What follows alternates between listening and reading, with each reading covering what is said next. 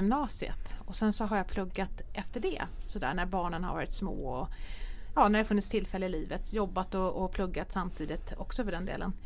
Eh, men idag är den genomsnittliga åldern när man börjar jobba på riktigt så att säga 26 år. Om man då tänker att jag var 18 år, det är en viss skillnad. Hur såg det ut för dig Kristina? När började du jobba på riktigt? Gud, jag hade åldersnoja vid 22. Jag eh, tänkte att jag måste ha ett fast jobb innan jag blir för gammal. Så att jag började också jobba tidigt. Eh, inte som 29-åringarna nu. Om man har pluggat på högskola börjar man jobba vid 29 år i snitt nu. Och då kan man tänka sig om det krävs ungefär 40 år för att få en okej okay pension. Då kommer vi ha ganska många 70-åringar på jobbet i framtiden. Då. Oh, herregud. Ja, jag jobbade, började faktiskt redan i sjuan med att sälja Dagens Nyheter i den lilla orten Västervik. Det var inte någon jättesuccé men eh, sen har jag jobbat alltid extra när jag har pluggat och sådär och när jag läste på högskolan så jobbade jag på Pressbyrån och jobbade extra och sen jobbade jag på liksom. Så jag har jobbat sedan dess och det är liksom eh, saxat eh, högskola och jobb. När började du jobba på riktigt då? Eh, det var efter universitetet. Och då var du? Hur gammal var jag då?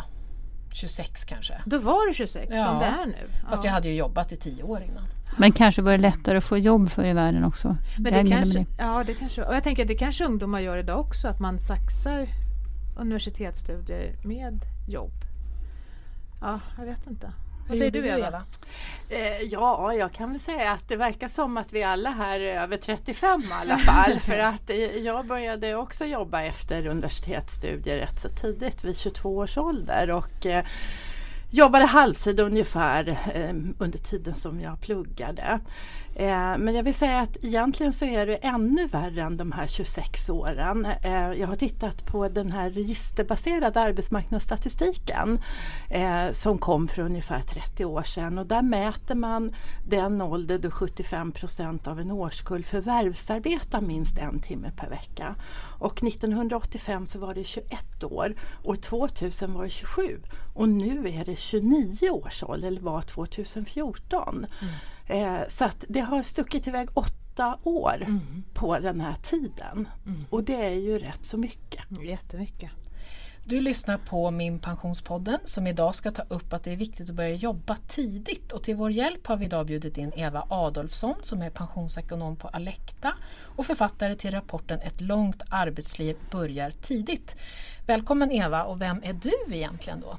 Ja, du har redan presenterat mig till namn. Ja. Jag heter Eva Adolfsson och jag är pensionsekonom på Alekta och eh, har jobbat med försäkringar och pensioner i 40 år faktiskt. Men, men ska lämna in snart och bli pensionär. Ehm, Se där. Ja. Tur du börjar jobba tidigt då hörru. Absolut, jag är väldigt glad för det idag kan jag säga.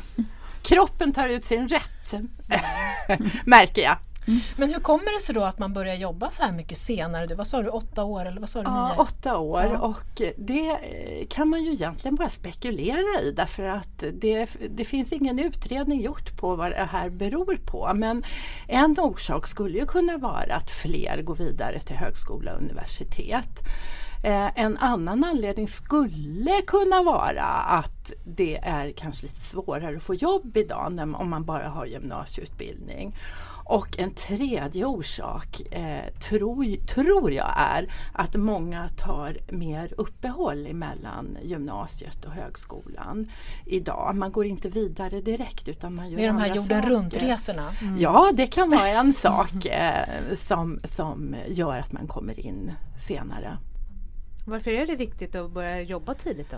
Eh, ja, det, det, är ju dels för individens egen skull framför allt därför att eh, vi har idag premiebestämda pensioner och det betyder att det som är bestämt är ju hur mycket som ska betalas in till pensionen. Och eh, de pengar som kommer in tidigt blir mycket, mycket mer värda eftersom Eh, det uppstår en snöbollseffekt på de pengar som kommer in tidigt i form av att man får ju mer ränta på ränta på ränta på ränta på pengar som kommer in tidigt. Så att det är så att premiebestämda pensioner som vi har nu i hög utsträckning för, för framförallt yngre, de gynnar ju eh, tidiga lönekarriärer och tidig jobbstart. Eh, men sen finns det ju samhällsekonomiska perspektiv på det här också. Att eh, Börjar man jobba tidigt så börjar man ju också betala in skatt tidigt. Och eh, den lön man får efter en högskoleutbildning är ju oftast högre än vad man får efter en gymnasieutbildning och då blir det också bättre skatteintäkter mm. till, till samhället. Så att det är väl en kombo kan man säga mellan alltså privatmässiga skäl och samhällsekonomiska skäl till varför det här är himmelens viktigt. Mm. Finns det någon skillnad då geografiskt, eh, killar, tjejer? eh, alltså ja, eh, könsskillnader finns det. Att eh, kvinnor eh, pluggar lite längre än män och kommer alltså således eh, senare ut på arbetsmarknaden. Ibland kan jag undra om, om det här med långt pluggande för kvinnor börjar bli en lite kvinnofälla. Mm. jag tror att man måste tänka efter när man har pluggat på universitetet. Ökade mina jobbchanser om jag tar den här mastersutbildningen jämfört med om jag kanske försöker gå ut i arbetslivet efter kandidatexamen? I vissa fall kanske det är så att det gynnar men i andra fall kanske det inte gör det. Och jag tror att eh, man behöver tänka, tänka till på det här lite grann. Eh, när det gäller geografiska skillnader så vet jag inte. Eh, och jag tycker att man skulle behöva ta och titta på det här ordentligt. Så om man tänker på pensionen, vad skulle vara en okej ålder att, att börja liksom jobba? Om du fick välja, vad, när skulle vi börja? Alltså jag tror så här, jag tror att vi om vi skulle få till en inträdesåldersutredning, vi har ju haft en pensionsåldersutredning som mm. tittar på eh, hur långt upp i åren vi skulle behöva jobba för att få bra pension. Och ett långt arbetsliv det handlar ju både om slutet men också om början. Och jag tänker mig att vi skulle behöva ha en utredning som tittar på just det här varför kommer vi så sent in i yrkeslivet? För nu sitter ju vi här och spekulerar lite mm. grann. Alltså vad beror det på? Eh, och vad skulle man kunna göra åt det? Och vad händer om ingenting görs i den här frågan? Och då menar jag också att man kan titta på, har det skett någonting med våra värderingar? Alltså bland föräldrar, bland ungdomar, i skolan, i olika nätverk. Så att man tittar på alla aspekter på det här. Mm. Det skulle jag vilja, så att vi får mer kunskap och att vi också kan göra någonting åt det här. Och jag tror ju liksom att Eh, ja, det har gått upp åtta år på 30 år. Mm. Tänk om vi skulle kunna komma in fyra år tidigare i mm. genomsnitt mm. om tio år då har vi vunnit jättemycket för pensionerna och för samhällsekonomin också. Så kan det man, skulle jag vilja. Kan man sluta jobba fyra år tidigare då tror du? Kanske, kanske ännu mer så det blir ränta på ränta-effekter? Ja, eh, nej det vill jag nog inte säga därför att vi har ju en medellivslängd som ökar så att ja. jag menar vi behöver ju sträcka ut arbetslivet i bägge ändar. Ja. Men jag tycker liksom att det här med att börja jobba tidigare är ännu mer angeläget därför att visserligen ser vi nu att den här 65-årsnormen normen börjar luckras upp och att fler jobbar lite längre. Men det är ändå fortfarande på marginalen. Mm. Eh, och det handlar ju också om att eh, risken för att bli sjuk, risken för att bli arbetslös ökar ju äldre vi blir och vi vet att ungefär var 50-64-åring går ifrån sjukersättning, det som vi tidigare kallade för förtidspension, där man inte egentligen anses kunna utföra något jobb överhuvudtaget på arbetsmarknaden. Eh, var femte 64-åring går från sjukersättning in till pensionering. Men vänta nu, eh, innan alla 30-åringar som inte har kommit ut på arbetsmarknaden får total ångest här. Eh, ja. nej men jag tänker så här.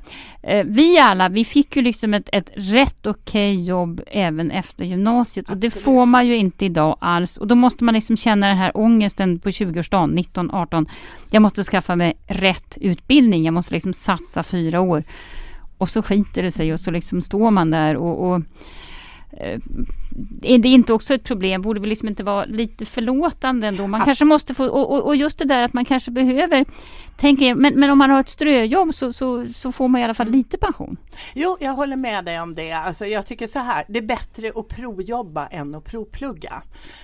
Um, alltså mm. om man, för att det finns ett, ett sånt urval av utbildningar idag och lärosäten som inte fanns, i alla fall inte när jag började plugga för eh, för mer än 40 år sedan. Eh, och, eh, men, men jag tror att det faktiskt är ett bättre råd att försöka prova lite olika branscher i så fall innan man pluggar om man är väldigt osäker. Mm. Det, det är absolut. Ja, men, det är men, det värsta är ju det här när man varken pluggar eller jobbar utan eh, vilket vi vet att det förekommer. Slackers lönar sig inte. Det lönar sig inte. Ja, eller att man kanske faktiskt inte får tillräckligt mycket. Skolan inte hjälper till att tala om allt det här hur det funkar heller. Känns Nej, det är sant. Nej, mm. ja, men det är sant. Och, och, där tror jag nog också att det kan göras mycket inom studie och yrkesvägledningen faktiskt. Mm. Mm. Sen har man det här med tjänstepensionen också. För om man, om man bara tar med ströjobben och så, då är det sällan man får någon tjänstepension. Och vi hör ju att tjänstepensionen är ju en väldigt viktig del ja. i den totala pensionen. Krävs det universitetsutbildning idag för att få tjänstepension?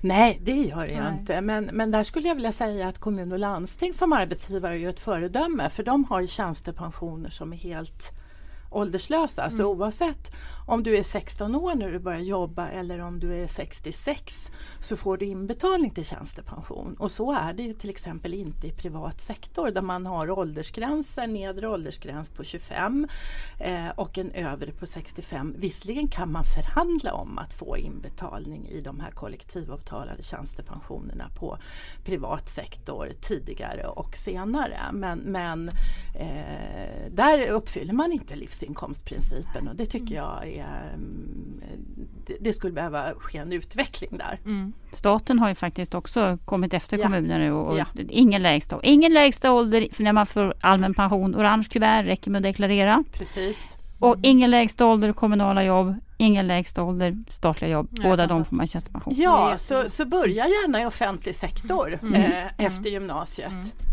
Mm. För då får du inbetalning till mm. tjänstepension per ja, det automatik. Det blir också ränta på ränta. Det blir också ränta ja. på ränta.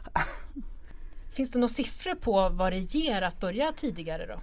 Eh, ja, alltså i den här rapporten som vi skrev på Alekta, ett långt arbetsliv börjar tidigt, eh, så har vi ju tittat på eh, Eh, hur det slår om man börjar jobba vid 25 respektive vid 30. Och då har vi tittat både på allmän pension och på tjänstepension premiebestämd ITP1. Och då kan man väl säga att eh, med antaganden om typiska avgifter i premiepension och tjänstepension och normal avkastning och så. Så för en normalinkomsttagare som kommer in på arbetsmarknaden med 26 500 och som har en en, liksom en, en normal löneutveckling så kan det utan vidare handla om 6 000 kronor mer i pension om man börjar vid 25 respektive om man börjar vid 30 och där man i bägge fallen då slutar vid 65 års ålder. Ja, det är ju verkligen Nu börjar vi prata pengar. Ja, ja, pengar. Ja, nu är det pengar. Ja. Men jag menar, det är ju ändå intressant det vi pratar om. För egentligen är det så att problemet verkar vara att vi lever längre. Och det är ju lite absurt att vi börjar ja. prata i de termerna. Men det känns ju också tryggt, tycker jag, att höra att, att för att jag menar, debatten har ju så väldigt mycket handlat om att vi ska jobba längre och längre och längre. Och då känns mm. det ju mm. som de här stackarna som kommer ut vid 30 och liksom det är ingen, mm. de hinner ju dö innan de har jobbat klart. Mm. Eh, så att det är väl kanske, man kanske också borde flytta fokus just och prata med er om att det är viktigt att börja jobba tidigt och kanske jobba mer när man faktiskt jobbar också. Det är ändå fortfarande ganska många som jobbar deltid. Mm. Ja och ibland så kan man se att man liksom i debatten ställer det här emot varandra och det tycker jag ju blir jättefel. Eh, att du kan plugga lite längre för att du kan jobba längre i andra ändan. Men det är faktiskt det här att vi inte riktigt vet vad som händer oss i livet. Alltså vi kan bli sjuka och risken för att bli sjuk ökar ju äldre jag blir. Och det kan också vara så att vi faktiskt inte får jobba längre. Mm. Det förekommer mm. också att, att äldre blir illa behandlade i yrkeslivet mm. på slutet och, och, blir av med jobbet och sen är det svårt att komma in igen. Eh, och då är det ett säkrare kort eh, menar jag att försöka börja jobba lite tidigare. Eh, så att jag tycker att det är dumt att ställa det här mot mm. varandra. Mm. Bägge sakerna är viktigt. Mm. Men hur ska vi göra nu då konkret? Om vi ska ha några konkreta tips som vi brukar ha. Vad ska vi göra för att man ska kunna jobba tidigare och för att man ska förstå att man ska börja jobba tidigare? Ja, jag tror att det faktiskt bara handlar om att vi, vi lyfter den här frågan och pratar om den. Därför att många ungdomar känner ju väldigt liksom så här att det är så långt bort och jag kanske inte lever när det är dags och det är någon form av psykologiskt försvar. Eh, men jag tror att det på många håll i samhället måste börja prata om vad som egentligen har betydelse för pensionens storlek. Och det är ju faktiskt det här att börja jobba rätt så tidigt. Att eh, välja eh, aktörer som har låga avgifter, att se till att man har tjänstepension och absolut helst kollektivavtalad sådan därför att då är det upphandlat, prispressat, jag får inbetalning vid föräldraledighet under en rimlig tid och om jag blir sjukskriven. Och sen försöka jobba heltid och kan jag inte det för jag har små barn, dela på deltiden med den andra föräldern och sen eh, försöka jobba så långt upp i åren som jag kan, vill, orkar och får. Mm. Eh, svårare än så är det inte. Men behöver vi morötter då? Alltså ungefär, du får uh, slippa halva studielånet om du pluggar fort eller vad ska vi hitta på? För menar, nu har vi sagt det här men det verkar ja. inte riktigt ha gått in. Nej, men jag tror mm. att vi sitter och diskuterar det här alldeles för snäva mm. kretsar. Ja. Eh, jag tror att yrkesstudievägledarna ska ut i skolan, det ska ut till föräldrarna. Mamma. Och, och, ja, mamma och pappa. Mm. Och då tror jag att en sån här utredning kan dra igång någonting i sociala medier, i tidningarna, eh, i skolorna. Vi har ju sett vad pensionsåldersutredningen har lyckats åstadkomma med, mm. med liksom diskussionen om ett om att vi ska jobba längre upp i åren. Så att jag tror att man skulle kunna göra mycket åt den här frågan om man tillsätter just en sån här inträdesåldersutredning och belyser alla aspekter på det här. Mm. Ja. Det låter klokt. Ja. Mm. Om du vill läsa Evas rapport så finns den att ladda ner på Alektas hemsida och vi lägger såklart en länk på minpension.se också och på bloggen. Så där kan ni hämta mer information om det här.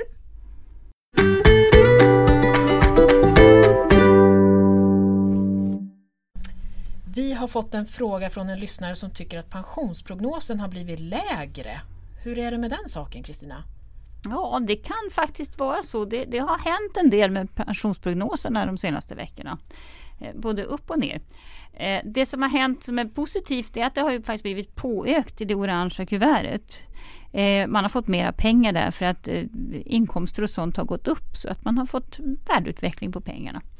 Eh, och det innebär då när man gör prognosen att även den då blir lite högre och det kan faktiskt synas. Eh, det kan vara ett par hundralappar mer i månaden åtminstone när man börjar närma sig pension. Eh, men sen i andra ändan också, även om vi, om vi pratar prognoser, det vill säga framtida pengar, vad man räknar med att de ska räknas upp med, så är det så att, att tjänstepensionerna i vissa fall, där har faktiskt blivit tvärtom.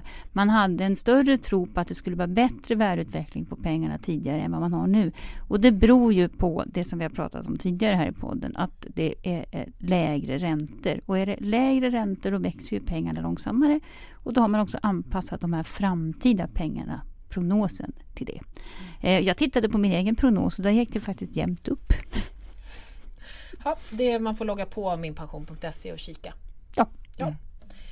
Det här är en podd som görs av minpension.se som är en oberoende sajt där du kan se hela din pension, orangea kuvertet, det du får från jobbet och det du sparar själv. Glöm inte att prenumerera på podden så missar du ingenting och vi vill gärna att du betygsätter den också på iTunes. Det skulle vi bli jätteglada för.